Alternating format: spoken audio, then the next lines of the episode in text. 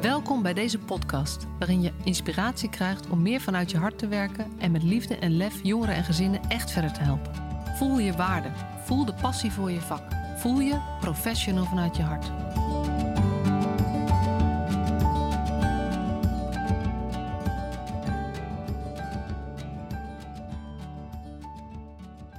Welkom weer bij deze nieuwe aflevering van de Professional vanuit je hart podcast. En uh, ik zit hier online, heel gezellig, met uh, Mariette van Leeuwen. En wat, uh, we hadden, eigenlijk hadden we al klaar kunnen zijn met de podcast. Maar we konden eigenlijk niet stoppen met, met kletsen en uitwisselen en nadenken. Want nou, wij blijken toch wel um, op heel veel dingen op één lijn te zitten vanuit een heel andere positie. Dus ik, vond, ik vond het begin al heel leuk. En nu gaan we eigenlijk proberen de podcast net zo leuk te maken. Dus Mariette, we eventjes ons best voor gaan doen, denk ik. Um, Mariette is partner bij BMC. BMC is een, is van de, de grote clubs in Nederland die op allerlei uh, manieren, je zou kunnen zeggen, adviezen geeft over hoe de uh, verschillende overheidssectoren, zorgsectoren beter kunnen. Um, en uh, ja, ik vroeg van hoe zou ik je introduceren? Wat ik heel erg leuk vond. Toen zei ze, eigenlijk ben ik wel een soort boegbeeld van een andere manier van kijken naar zorg als je kijkt naar het bestuurlijk niveau van Nederland. En dan gaat het zowel binnen gemeentelijk bestuur als organisatiebesturen. Dus um, iemand met bestuurlijk uh, gevoel, affiniteit, maar vooral ook um, die heel erg houdt van de, de leefwereld en de praktijk en van de mensen voor wie we het allemaal doen. Dus uh, welkom Mariette. Dankjewel. Wat een mooie introductie. ja, uh, en het is ook nog goed om, om even te noemen dat deze podcast onderdeel is van die serie Jeugd alles, alles in het werk dat jij uh, daar ook aangehaakt bent en dat je uh, opgevallen bent, omdat je op een andere manier inderdaad in ons veld opereert. En um, je bent de afgelopen jaren ook intensief betrokken geweest bij uh, Jeugdbescherming Brabant. Um, vind ik ook leuk om daar straks wat van je te horen. Die um, natuurlijk eigenlijk in grote problemen zaten. Op een gegeven moment een cliëntenstop hebben ingevoerd. Um, maar ja, dan ben je er nog niet. Want dan moet er eigenlijk een nieuwe um, werk werkelijkheid worden opgebouwd. En daar heb jij een belangrijke rol in gespeeld. Um, en je doet natuurlijk nog heel erg veel meer. maar voordat we je daar wat over kan vertellen, ben jij eigenlijk een professional vanuit je hart? Ja, je had me al ingefluisterd dat ik deze vraag zou krijgen. Maar eigenlijk kwam het antwoord onmiddellijk. Toen dacht ik, dit lijkt wel een tegenstelling. Want je kan natuurlijk geen professional zijn als je dat niet uit je hart doet. Dus ja, wat mij betreft is het maar één antwoord mogelijk, ja. Ja, ja, ja en, dat is natuurlijk ook waar ik heel erg in geloof. En wat je soms gewoon ziet in de praktijk. En daar ben ik ook benieuwd naar, um, uh, want jij komt op heel veel verschillende plekken binnen gemeenten, maar ook binnen organisaties, binnen je eigen organisatie. Dat je wel ook gewoon het verschil voelt Ehm, met, als je met mensen werkt, van zijn het mensen die hun hart meenemen in wat ze doen, of doen ze vooral vanuit hun hoofd hun werk goed? Proberen ze zo goed mogelijk te doen. Ik, ik denk dat je dat verschil ook voelt.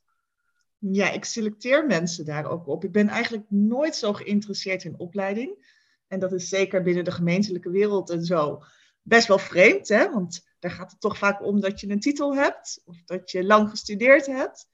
Maar ik wil eigenlijk altijd mensen in hun ogen kijken en ik wil ze over hun vak horen vertellen. En dan, uh, nou, dan pik ik ze er eigenlijk altijd wel uit, die net op een andere manier werken, maar die wel tot succes leidt.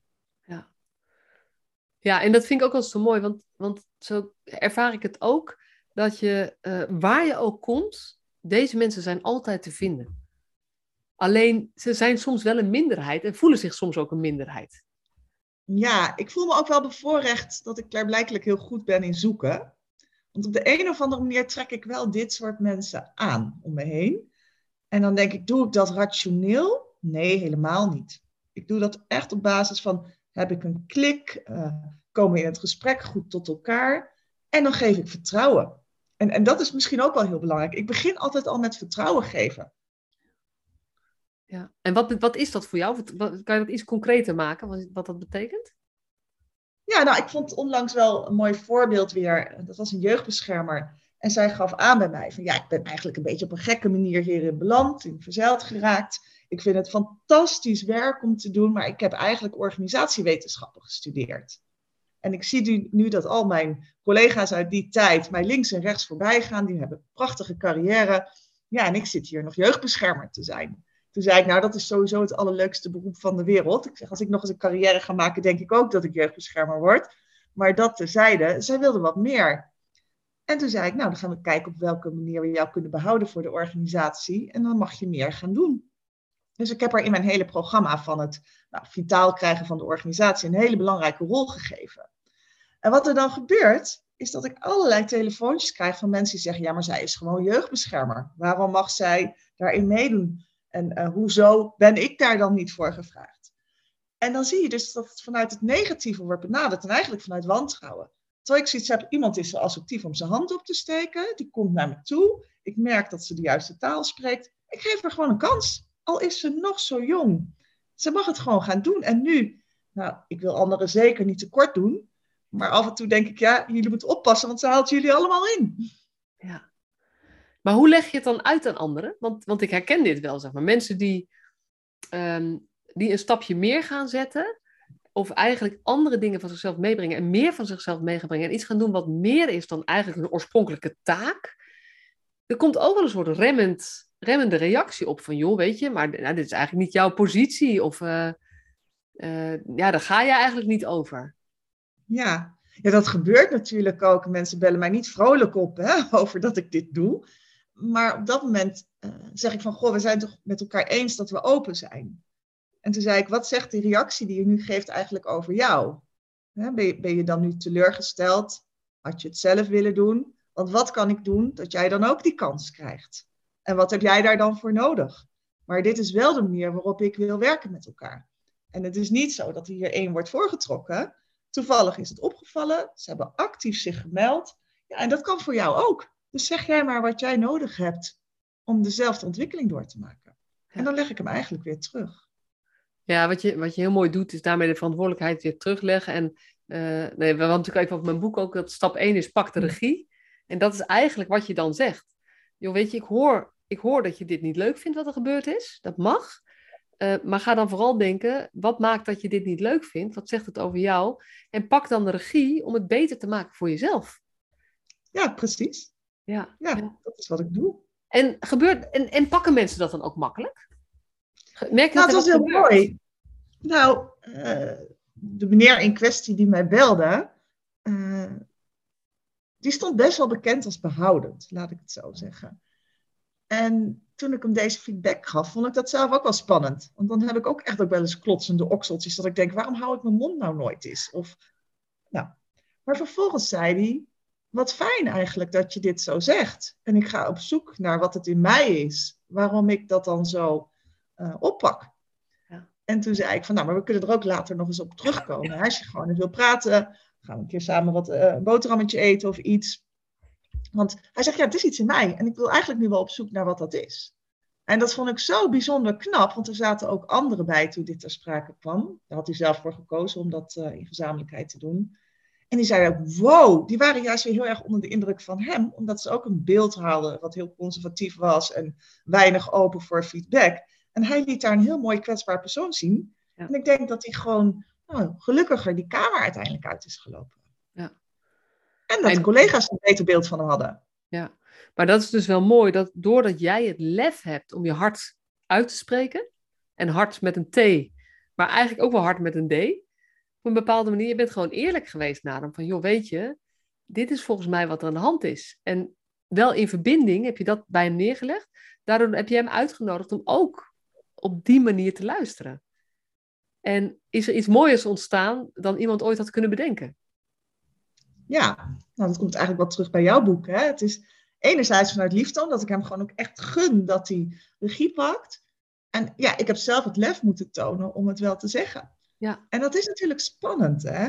Dat, dat snap ik ook wel. Maar vaak is mijn aandrang om te zeggen dan toch groter dan mijn verlegenheid. Ja, ja.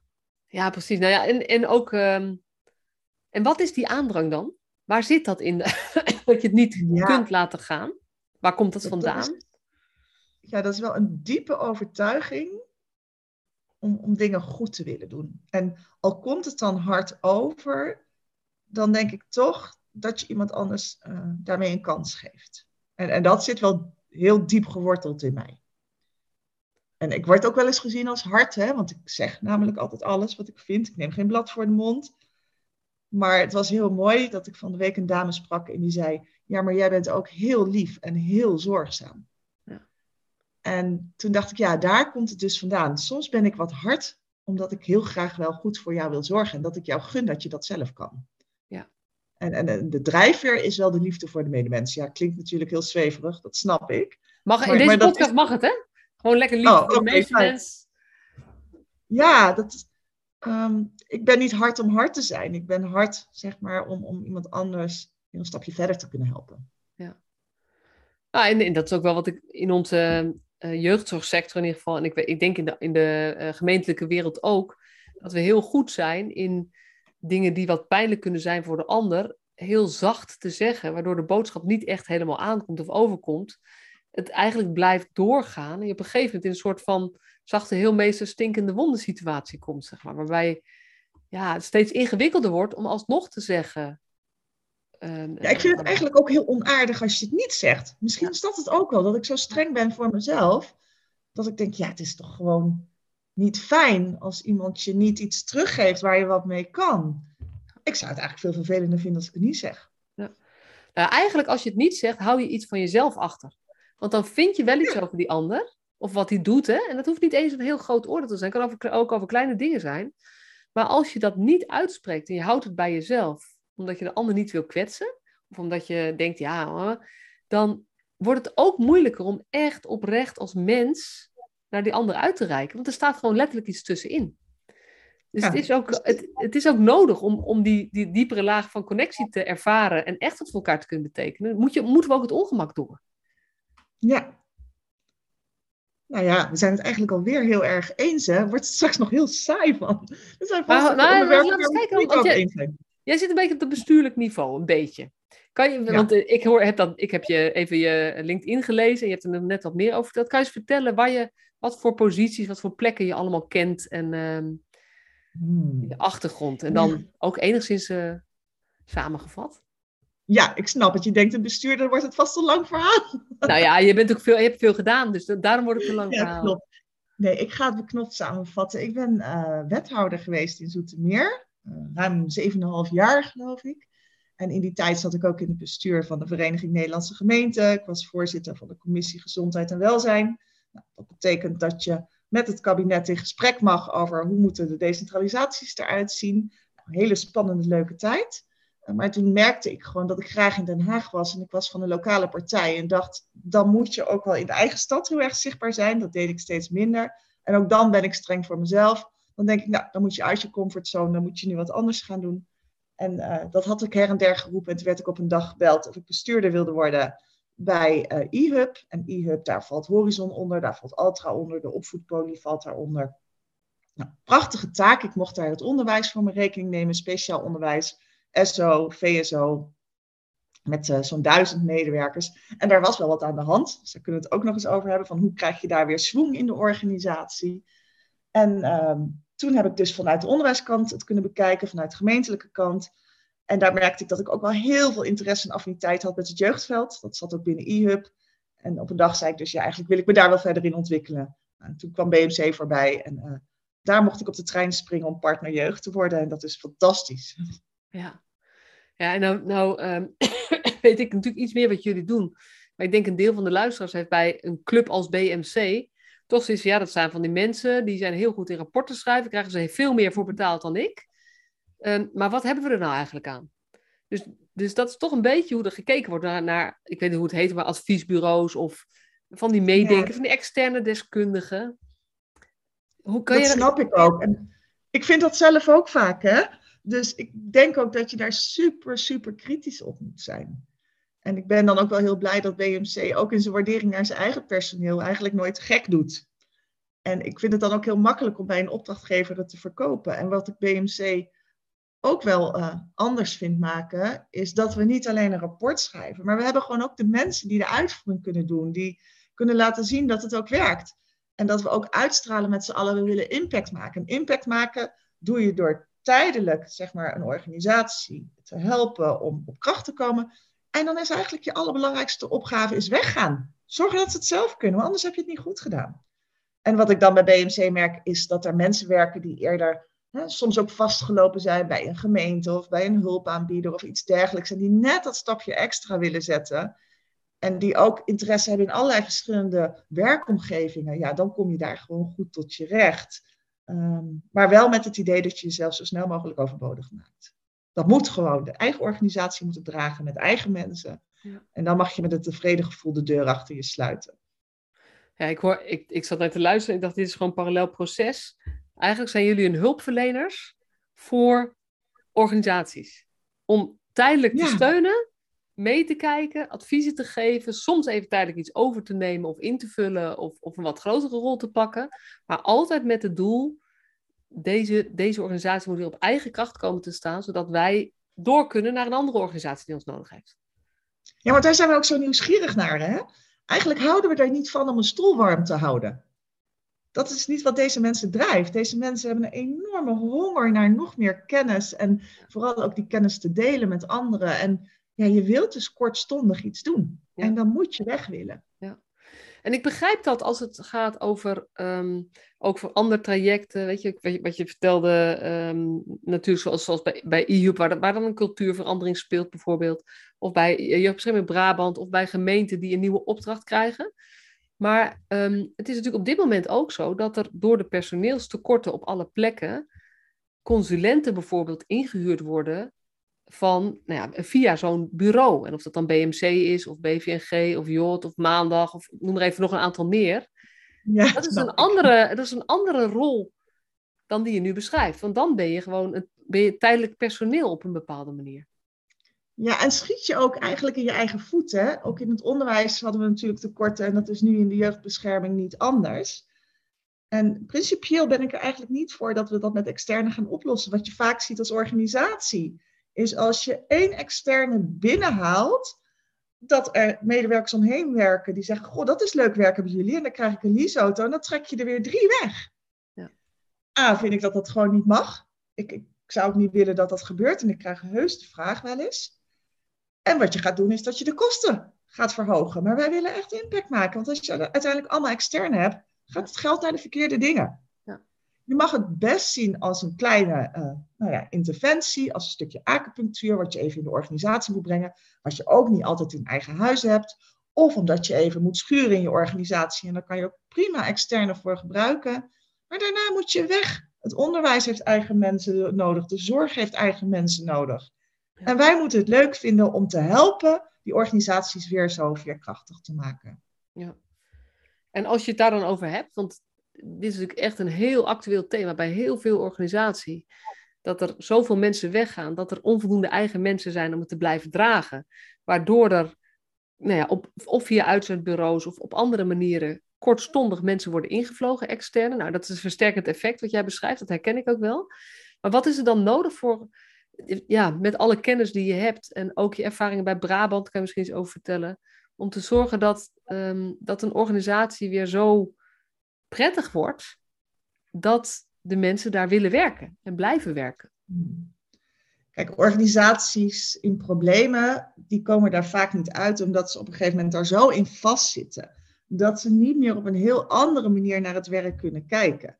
En dan helpt het wel als je daar gewoon een frisse blik eigenlijk op loslaat. En dat is eigenlijk wat wij doen.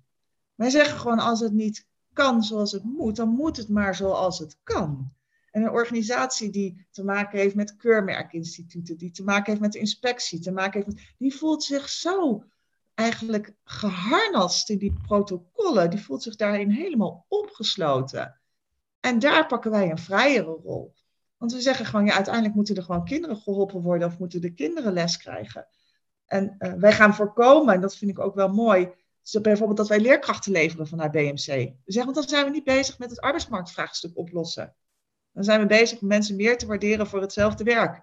En uiteindelijk zorgen we dat er steeds minder kinderen het goede onderwijs krijgen wat je continuïteit kan bieden. Dus daar doen we heel principieel over. Dus ik zie onszelf echt als, als een nou, tijdelijke steunpilaar die zo snel mogelijk weg moet. En we kijken echt anders en we zetten aan tot uh, ja, durf te ondernemen. Dat, dat is wat wij heel erg vaak brengen. En dat heb ik in Brabant ook gedaan.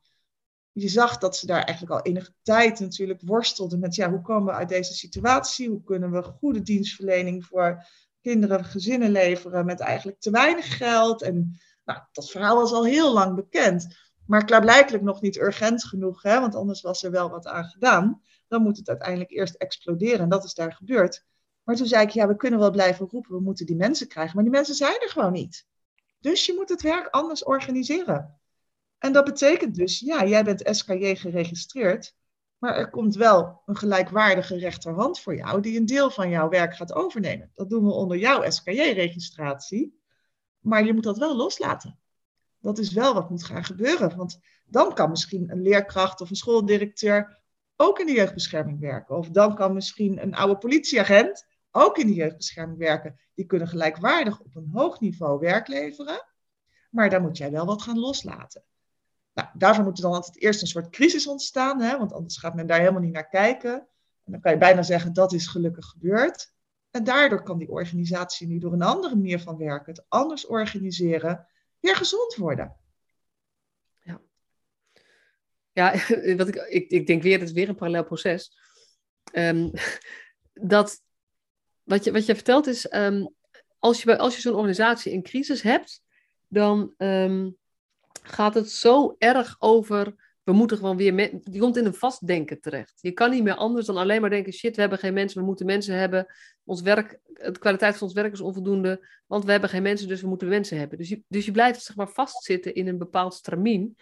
En wat helpt, is op een gegeven moment de realiteit onder ogen zien. We hebben te weinig mensen en we krijgen ze dus ook niet op tijd. Punt. Van dit, hiervan hiervan moeten we uitgaan. De men, ons ideale plaatje, waarvan we dachten, dit is de oplossing, blijkt niet te werken. Wat gaan we dan nu doen? Gaan we iets anders proberen om te kijken of we daar dan mee beweging krijgen? En, uh, dat is spannend. Ja, dat is heel spannend. Maar dat durven wij. En ik denk dat dat het verschil is. Dat vinden mensen heel moeilijk die al jarenlang daarin zitten. En wij durven dan toch een stukje te ondernemen en te zeggen, ja, het moet maar zoals het kan. Ja, en dan is het, je zegt, durven wij, dan heb je het natuurlijk over BMC, maar ik heb toch maar lichtelijk de indruk dat het ook iets met jou als persoon te maken heeft. Want het is niet dat je dit voor het eerst bent gaan doen bij BMC, volgens mij. Nee, ik werd eigenlijk altijd al wat atypisch genoemd. Maar ehm, ja, ik denk, dat zei ik al eerder ook tegen jou, het moet ook vanuit je buik komen. Je moet gewoon met dat hart, zoals jij dat dan zegt, het zo graag willen en eigenlijk niet voor jezelf accepteren dat het niet lukt. Je moet het maximale doen om dingen mogelijk te maken. En als je daar zo van overtuigd bent, dan krijg je daar andere mensen ook in mee. Die worden daar ook enthousiast van. En ik zeg ook altijd, een voorwaarde is natuurlijk dat je die mensen de ruimte geeft, maar ze ook veiligheid biedt. Hè? Want natuurlijk gaan er gewoon dingen mis. En daar mag je ze niet op afrekenen. Dus je moet ze complimenteren dat ze het lef hebben gehad om een fout te maken. En ja, dat, dat moet je denk ik van hoog tot laag in een organisatie. Al spreek ik niet graag over hoog en laag. Maar iedereen moet dat ademen in de organisatie. En wat, hoe krijg je dat voor elkaar? Ja, daar is geen wetenschap voor. Hoe krijg je dat voor elkaar? Oké, maar denk even, vast tien verschillende voorbeelden in je hoofd. Waarbij zo'n soort proces speelt, speelde. Kan je eens iets vertellen over wat, wat, wat zijn dan dingen die je, die je kan inzetten om deze kant op te gaan? Nou ja, wat ik, wat ik vaak zie is, uh, ik vind mezelf in die zin niet zo bijzonder, maar al die goede ideeën zitten vaak al bij de mensen in de praktijk. Die weten eigenlijk wel wat er nodig is, maar die hebben ook een zekere overtuiging dat uh, het bestuur het niet begrijpt of het management begrijpt het niet. En daar hebben ze eigenlijk ook gelijk in.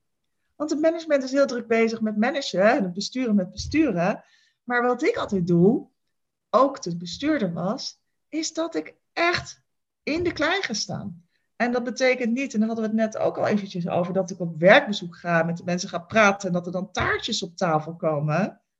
Dat betekent dat ik mijn handen uit de mouwen steek. Dus dat betekende dat ik heb helemaal geen bevoegdheid om leerkracht te zijn, maar toen ik bestuurder was in het onderwijs, ja, dan ging ik in zo'n VSO-school Hartje Amsterdam voor de klas staan. En dan ging ik lesgeven. En dan zat ik tijdens de pauze hè, een boterhammetje te eten met gewoon alle andere leerkrachten en onderwijsassistenten. En dat doe je dan. En dan krijg je al die goede ideeën van hun, want die hebben zij. En dan ga ik denken, oh, wat hebben jullie nodig om dat mogelijk te maken? En dan ga ik dat naar die managers brengen, naar die bestuurlijke tafels, waar ze dat echt moeten weten. Dus daar gaat het om. Bij alles wat je doet op beleidsmatig terrein, moet je altijd de toets doen. En wat betekent het morgen voor de werker in de praktijk? En dat kan niet op afstand, dat kan alleen met nabijheid. En misschien is dat ook wel een toverwoord in alles, nabijheid. Ook, daar kan jij vast een mooie parallel van maken. Nou, maar... ik, wou het, zeggen, dit hadden we nog niet uitgewisseld. Maar een mijn podcast heet van uh, we stoppen met professionele afstand, we gaan voor professionele nabijheid. Oh, werkelijk? Dat wist ik echt niet. Dit hadden we nog niet ontdekt dat we daar in dezelfde woorden ook uh, kiezen. Nee. Maar het, ik vind wel, wat jij zegt, aan alle beleidstafels zou het over goed gaan.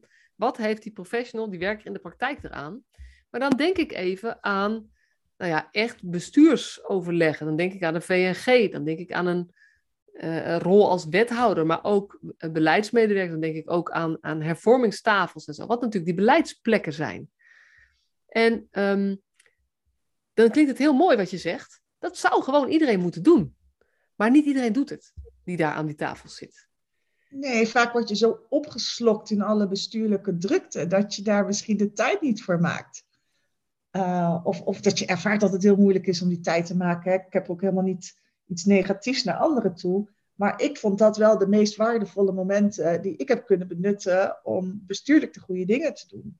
En dat was niet alleen in het onderwijs. want ik zei, toen ik wethouder was, stond ik ook achter op de vuilnisauto. Nou, ik heb al die vieze sappen over me gekregen. En ja, onlangs ben ik de hele dag met de jeugdbeschermer mee geweest. En uh, gewoon in mijn spijkerbroekje met een paar gimpies en een scheur erin. Die hebben zij ook vaak. Hè? Ze zien er gewoon heel sportief en uh, jong uit, de jeugdbeschermers.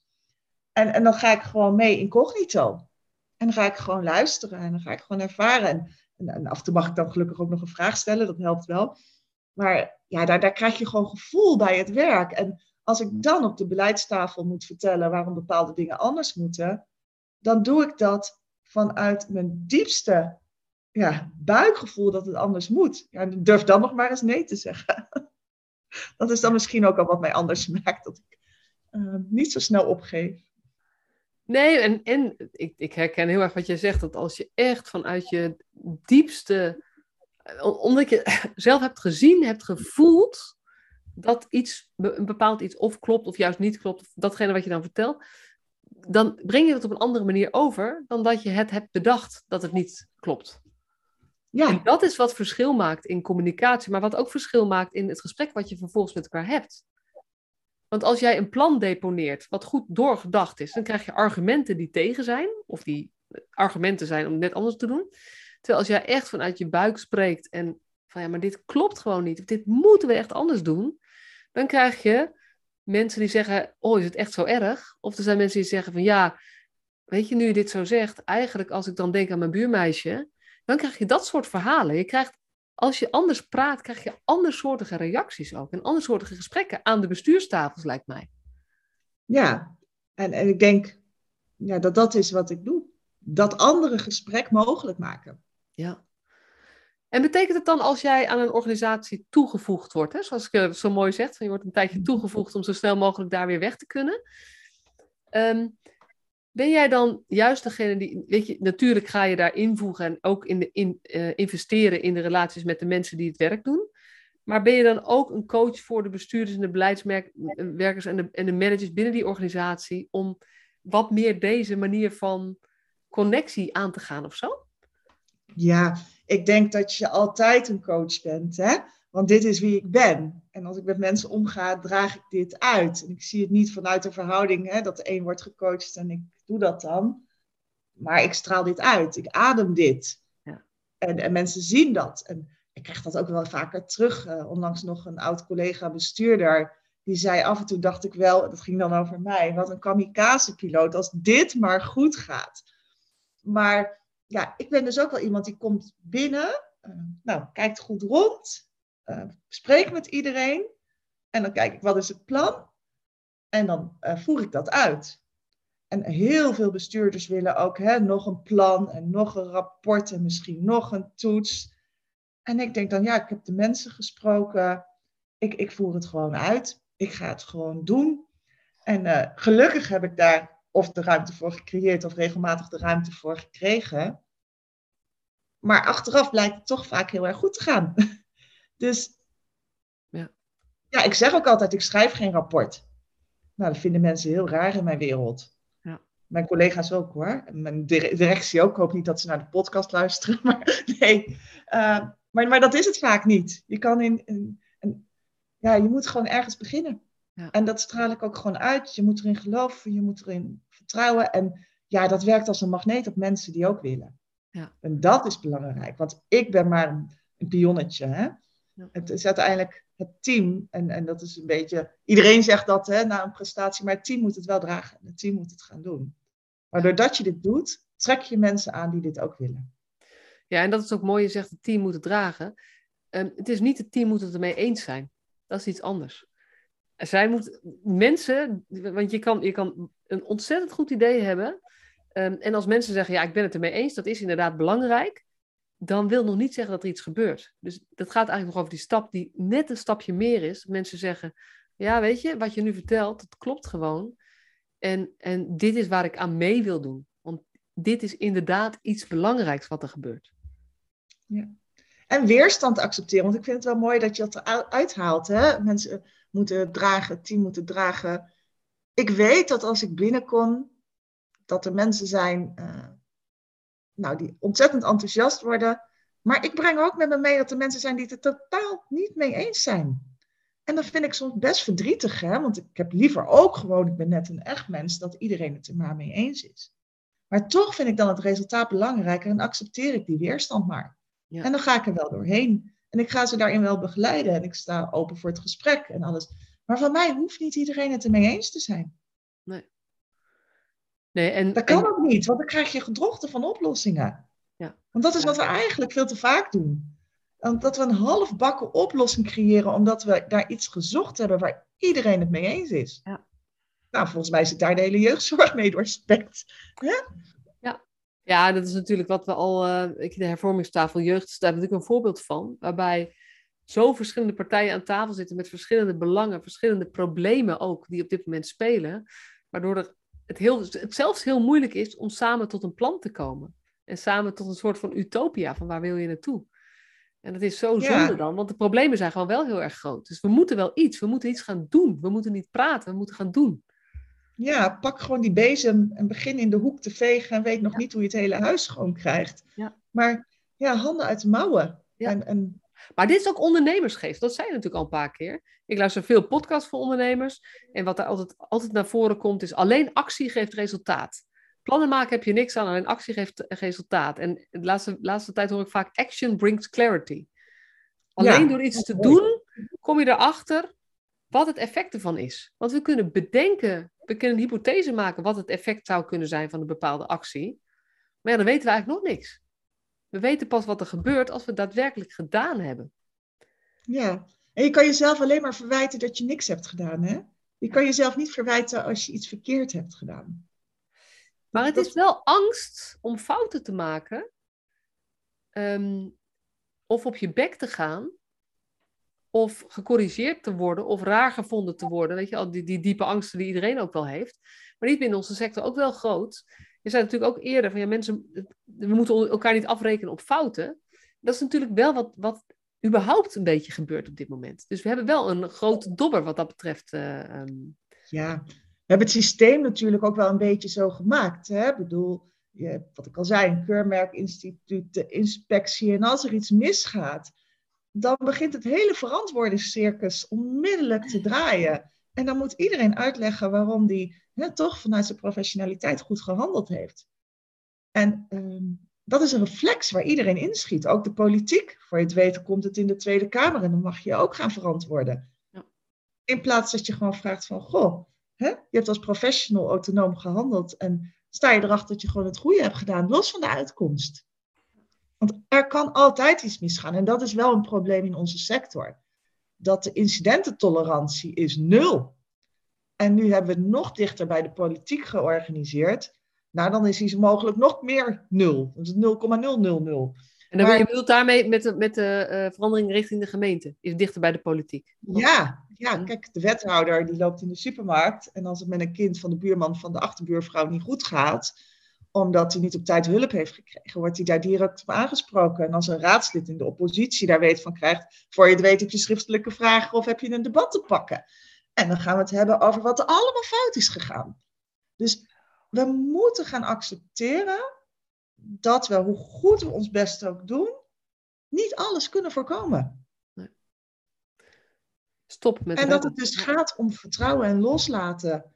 En accepteren dat, hè, nou, ik zei het uh, zojuist ook al, maar ja, wie heeft jou gezegd dat de wereld eerlijk is? Het ene kind groeit in een andere omgeving op dan het andere kind. Zorg dat je gegeven omstandigheden zo mooi en goed mogelijk maakt. Maar plug niet overal onze norm in als de waarheid. Nou, en ga vooral in plaats van focussen op het is zo oneerlijk, dus we moeten wat, we moeten wat gaan toevoegen. Ga veel meer focus leggen op hoe, hoe kunnen we een kind of een gezin of een persoon um, zoveel meegeven dat hij beter kan omgaan met de omstandigheden waar hij in zit. Want dat is uiteindelijk duurzame zorg. Dat is niet per se dat we het probleem wat er nu is oplossen. Maar is eigenlijk dat we de probleemoplossende vaardigheden en de veerkracht van iemand het geloof in zichzelf vergroten. Waardoor die ook in rotomstandigheden toch nog steeds um, ja, zijn leven kan blijven vormgeven op een manier die, zo, die, die zou willen, zeg maar. Ja, misschien is dat wel iets inderdaad waar het steeds over gaat in onze gesprekken. Pas je aan aan de omstandigheden en accepteer dat die zo zijn. Ja. En, en natuurlijk hoeven ze niet altijd hetzelfde te blijven. Ze kunnen veranderen naar verloop van tijd. Maar zo werkt het als in de jeugdzorg als er te weinig personeel is. Ja, die hebben we morgen niet. Pas je aan aan die omstandigheden. Het ene gezin heeft het beter dan het andere. natuurlijk kunnen we kijken of iedereen het goed kan krijgen. Maar zorg dat je je binnen die setting zo goed mogelijk ontwikkelt. Accepteer dat dingen soms zijn zoals ze zijn en maak daar het beste van. Ja. En, en dat is ook wel iets wat, wat ik diep van binnen voel. Ja. De acceptatie dat bepaalde dingen zo zijn en dat het aan mij is zeg maar, om daar zo goed mogelijk mee om te gaan. En, en kijk ook altijd als eerste naar jezelf. Dat vind ik ook een hele belangrijke. Ja. Mijn dochter is echt een tovenaar, want die weet altijd, ik vind het knap, ik heb het er zelf niet geleerd, maar altijd iemand anders ergens de schuld van te geven. Als zij struikelt, dan ligt het altijd aan de stoeptegel of het ligt, het ligt altijd aan iets anders dan aan haarzelf. Dus ik heb iets niet goed gedaan, want als ik naar mezelf kijk, dan denk ik, ik vraag me altijd af, wat kan ik anders doen? Want ik ben de enige die aan de knop mij kan draaien.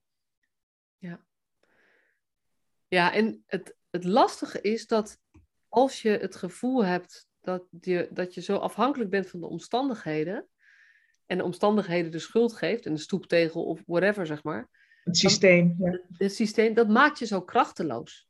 Het is eigenlijk een versterkend effect dat mensen zich steeds minder in staat voelen om iets te veranderen aan hun eigen situatie, wat het ook is.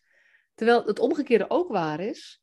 Als jij altijd op zoek gaat, uh, ook al is het, is het niet jouw verantwoordelijkheid, is het niet jouw schuld en ben je misschien wel gewoon slachtoffer van, van een aantal dingen gebeurd. Als je op zoek gaat naar, oké, maar dit zijn nu eenmaal de omstandigheden waar ik in zit. Wat kan ik nog wel doen?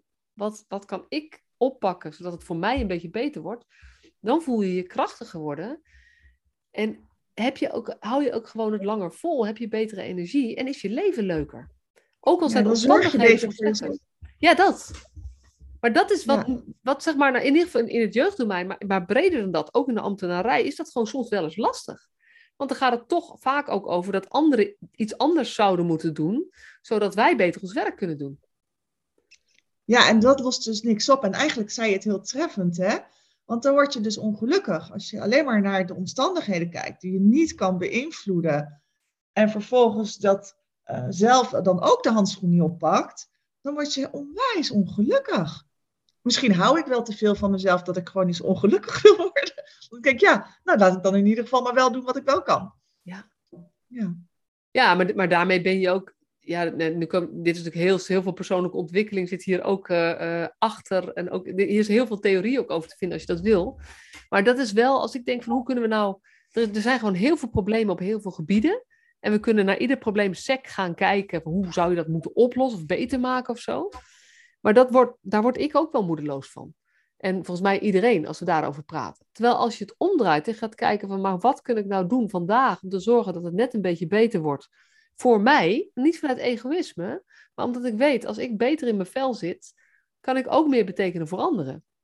Precies, dat is altijd de drijfveer. Dat is ook hè, wat ik voel. Ja, ja. Ja, en hoe nuttig kan ik dan ook zijn voor een ander op het moment dat ik zelf zo ongelukkig ben? Ja, maar dat gaat niet. dan toch even, weet je, um, ik, ik heb een, klein inkijkje in jouw huis. Um, uh, en dan denk ik even aan, het, aan de zeven vinkjes, zeg maar. Uh, met, met hoe, hoe, um, hoe, privileged zijn wij dat we dit gewoon kunnen zeggen. Weet je, ik ben ook, ik doe, voldoen niet aan alle zeven vinkjes. Maar ik heb er wel een aantal. Jij zal er ook een aantal hebben. Is het ook niet een beetje makkelijk gezegd vanuit ons? Nou, ik vind het wel mooi dat je eigenlijk die vraag stelt. Omdat die vraag is me eigenlijk heel vaak gesteld. En hier hebben we het helemaal niet over gehad. Maar mijn leven is allerminst voor de wind gegaan. Ik heb alles van scratch af aan zelf moeten bouwen. Ben niet in een veilige omgeving opgegroeid. En ja, natuurlijk, ik ben blank en ik ben goed opgeleid. En daardoor lijkt het hè, alsof alles goed is gegaan. En als ik ook in de praktijk stap en bij kinderen kom, dan zeggen ze: Ja, maar mevrouw, u weet niet hoe het bij mij is. Nou, dat weet ik dus juist heel erg goed. Maar het ontslaat je nooit van de verplichting om te kijken wat er wel beter kan. Dus ik heb iets diep geworteld wat maakt dat ik vind dat ik nooit slachtoffer mag zijn. natuurlijk zijn er mensen slachtoffer. Maar als je daar zelf ook al in gaat geloven, dan wordt het wel heel moeilijk om daaruit te komen. En ik ben ervan overtuigd dus dat je altijd een keuze hebt. Dus ik ben ook gewoon onderaan de ladder begonnen. Gewoon ergens in een keldertje het archief opruimen. En uh, zonder opleiding, omdat ik op eigen benen moest staan, omdat er ook niet voor mij werd gezorgd. Dat heb ik allemaal later gedaan. Gewoon van mijn eigen geld, in mijn eigen tijd, naast mijn werk. En ja, wie had ooit gedacht dat ik bestuurder zou worden? Niemand.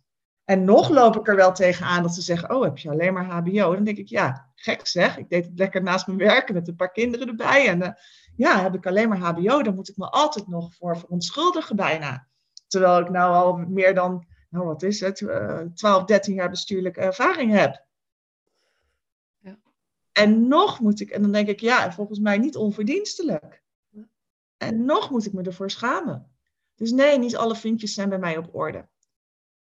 En um, ik ben ook opgegroeid zonder een vader. Die heb ik pas geleerd op mijn zeven leren kennen op mijn zeventiende. Allemaal dat soort dingen. Maar ik vind dat dat nooit iets mag zijn waarom ik niet het beste uit het leven haal. Er is zo'n boek ook van, ik geloof het onverwoestbare kind. En, en dat heb ik wel eens gelezen. Dan zeiden mensen, ja dat kan, maar je hebt blijkbaar iets heel krachtigs. En ik weet dat mijn zusje, die ongeveer in dezelfde omstandigheden opgroeide, dat ze een keer tegen mij zei van, ja maar Jet, zo noemen ze me dan in de privé situaties, als we allebei in de zee staan en er komt een hele hoge golf, dan val ik om en dan blijf jij staan.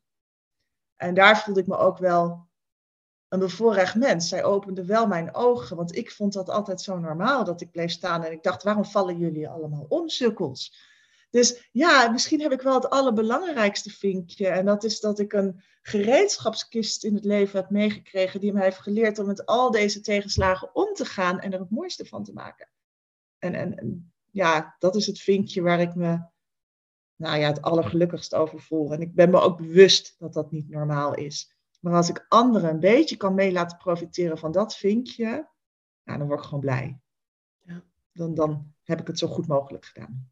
Ja, ja precies. En dat is wel, um, ja, ik, ik haak heel erg aan op dit verhaal. Ik herken er ook veel in, want ook bij mij zit er zo'n verhaal achter. Uh, met andere voorbeelden, andere dingen. Maar ook dat ik denk, ik dacht vroeger altijd, ik was een kwetsbaar kind of zo. Want ik, uh, uh, weet je, toch van, dit is gewoon moeilijk. En ik was altijd maar, ik, ik, had er last van hoe ik opgegroeid ben. Ik dacht, ja, maar ik ben ook gewoon, gewoon een kwetsbaar kind. Terwijl achteraf denk ik, ik heb gewoon heel erg jong uh, herkend dat als, het aan, als ik deze omstandigheden, zeg maar, dat die mijn leven zwaar maken, maar dat ik dus zal moeten zorgen dat het gewoon wat wordt met mij of zoiets. En, ehm, en dat is wel ook een drive die niet te stoppen is. Dat wil je aanzetten bij iedereen. En misschien is dat het wel. Wat, wat, wat ons en ook anderen verbindt. Ja. ja. Je gunt iedereen om dat knopje in zichzelf te vinden waarmee je het aan kan zetten. Dat jij er het beste van moet maken, dat jij daarover gaat. Ja. Nou, en dat je dus daarmee ook minder last hebt van de dingen die om je heen gebeuren. Want er gebeuren nog net zoveel rottige dingen soms in je leven, maar je bent er gewoon beter tegen bestand. Ja. En, en als je het hebt, nee, dit zijn al die parallele processen, maar dat is wat, wat, wat jullie doen bij organisaties, wat jij doet bij organisaties, eigenlijk helpen dat ze beter bestand zijn tegen het zwaar weer waar we nou eenmaal in zitten. En dat heeft te maken met elan, en dat heeft te maken met keuzes, dat heeft te maken met accepteren van de realiteit. En stoppen met blijven hopen op dat het beter wordt, zodat het beter met jou gaat. Maar zeggen, joh, weet je, voorlopig zitten we in zwaar weer. Maar laten we dan in ieder geval zorgen dat we een boot hebben die een beetje bestand is tegen wat, uh, wat rukwinden. Uh, want rustiger wordt het niet. En dat maakt dat je veel meer weer kunt gaan kijken naar hoe, nou oké, en, en, hoe kunnen we dan zorgen dat we dan die boot versterken? En uh, nou ja, dan kom je op, op persoonlijke ontwikkeling, maar ook over, uh, over leiderschap van organisatie, maar ook persoonlijk leiderschap van iedereen in zo'n organisatie. Dus uh, ja. Ja, mooi is dat. En ja, jij zegt het ook, dan ga je die boot verstevigen, kijken hoe die tegen die woeste golven, hè? hoe die dat kan. En tegelijkertijd denk ik, ja, dat zou toch iedereen moeten kunnen doen. Maar er past ons dan ook wel een beetje bescheidenheid. Want het is dus niet zo dat iedereen gegeven is dat je zo veerkrachtig kan zijn. En, en dat is, denk ik, waar ik andere mensen gewoon heel graag in ondersteun. Of uh, met ze op zoek wil gaan naar hoe kan jij dat ook in jouzelf vinden. Ja. Dus eerder veroordeelde ik dat. En mijn zusje heeft daar dus uh, voor eeuwig nu verandering in aangebracht door de zee uh, erbij te halen. Dat zij omvalt en ik blijf staan. Toen dacht ik, ja, en als ik mijn leven nou kan gebruiken om weer mensen, hè, minder mensen om te laten vallen. Dat is toch mooi. Ja, vind ik prachtig.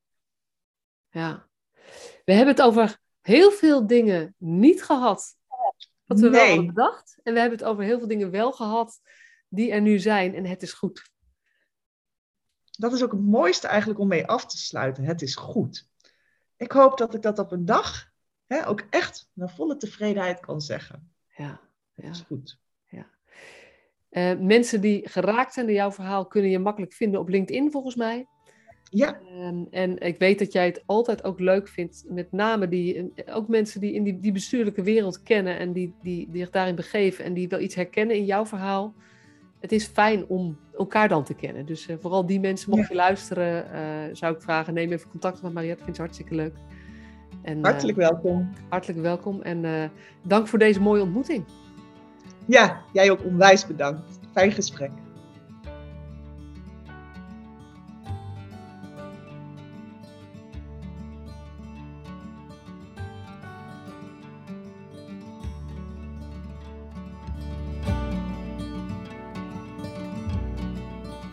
Superleuk dat je weer luisterde naar deze podcast. Dankjewel.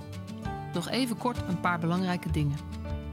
Ten eerste, het is mijn missie dat de jeugdhulp weer een sector wordt waarin bevlogen, liefdevolle professionals jongeren en gezinnen echt verder helpen. Daarom maak ik deze podcast voor jou. Wil jij deel uitmaken van deze beweging van Professional vanuit je hart, waarin professionals elkaar steeds opnieuw inspireren? Begin dan met het lezen van mijn boek. Je kunt de eerste hoofdstukken helemaal gratis lezen. Ga naar professionalvanuitjehart.nl slash boek. Ten tweede, wil je alle podcastafleveringen overzichtelijk onder elkaar? Abonneer je dan op deze podcast. Klik in je podcast-app op de button subscribe of abonneren. En elke keer als er een nieuwe podcastaflevering gepubliceerd wordt, ontvang je automatisch een berichtje. Ten derde, ondersteun je mijn missie? Geef me dan een review via je podcast-app, bijvoorbeeld iTunes of Spotify. Op die manier kan ik nog meer professionals bereiken. En ken je een collega voor wie deze podcast ook interessant is? Dan zou het super zijn als je hem of haar de podcastaflevering doorstuurt. Bijvoorbeeld door de link te kopiëren via Spotify. Ik vind het altijd heel leuk om berichtjes te ontvangen van luisteraars om te horen wat je van een podcast vindt, of als je misschien vragen of suggesties hebt. Of als een aflevering je een bepaald inzicht heeft gegeven of er iets in beweging is gekomen. Stuur me dan even een berichtje op masha.professionalvanuitjehart.nl via de website of stuur me een connectieverzoek op LinkedIn.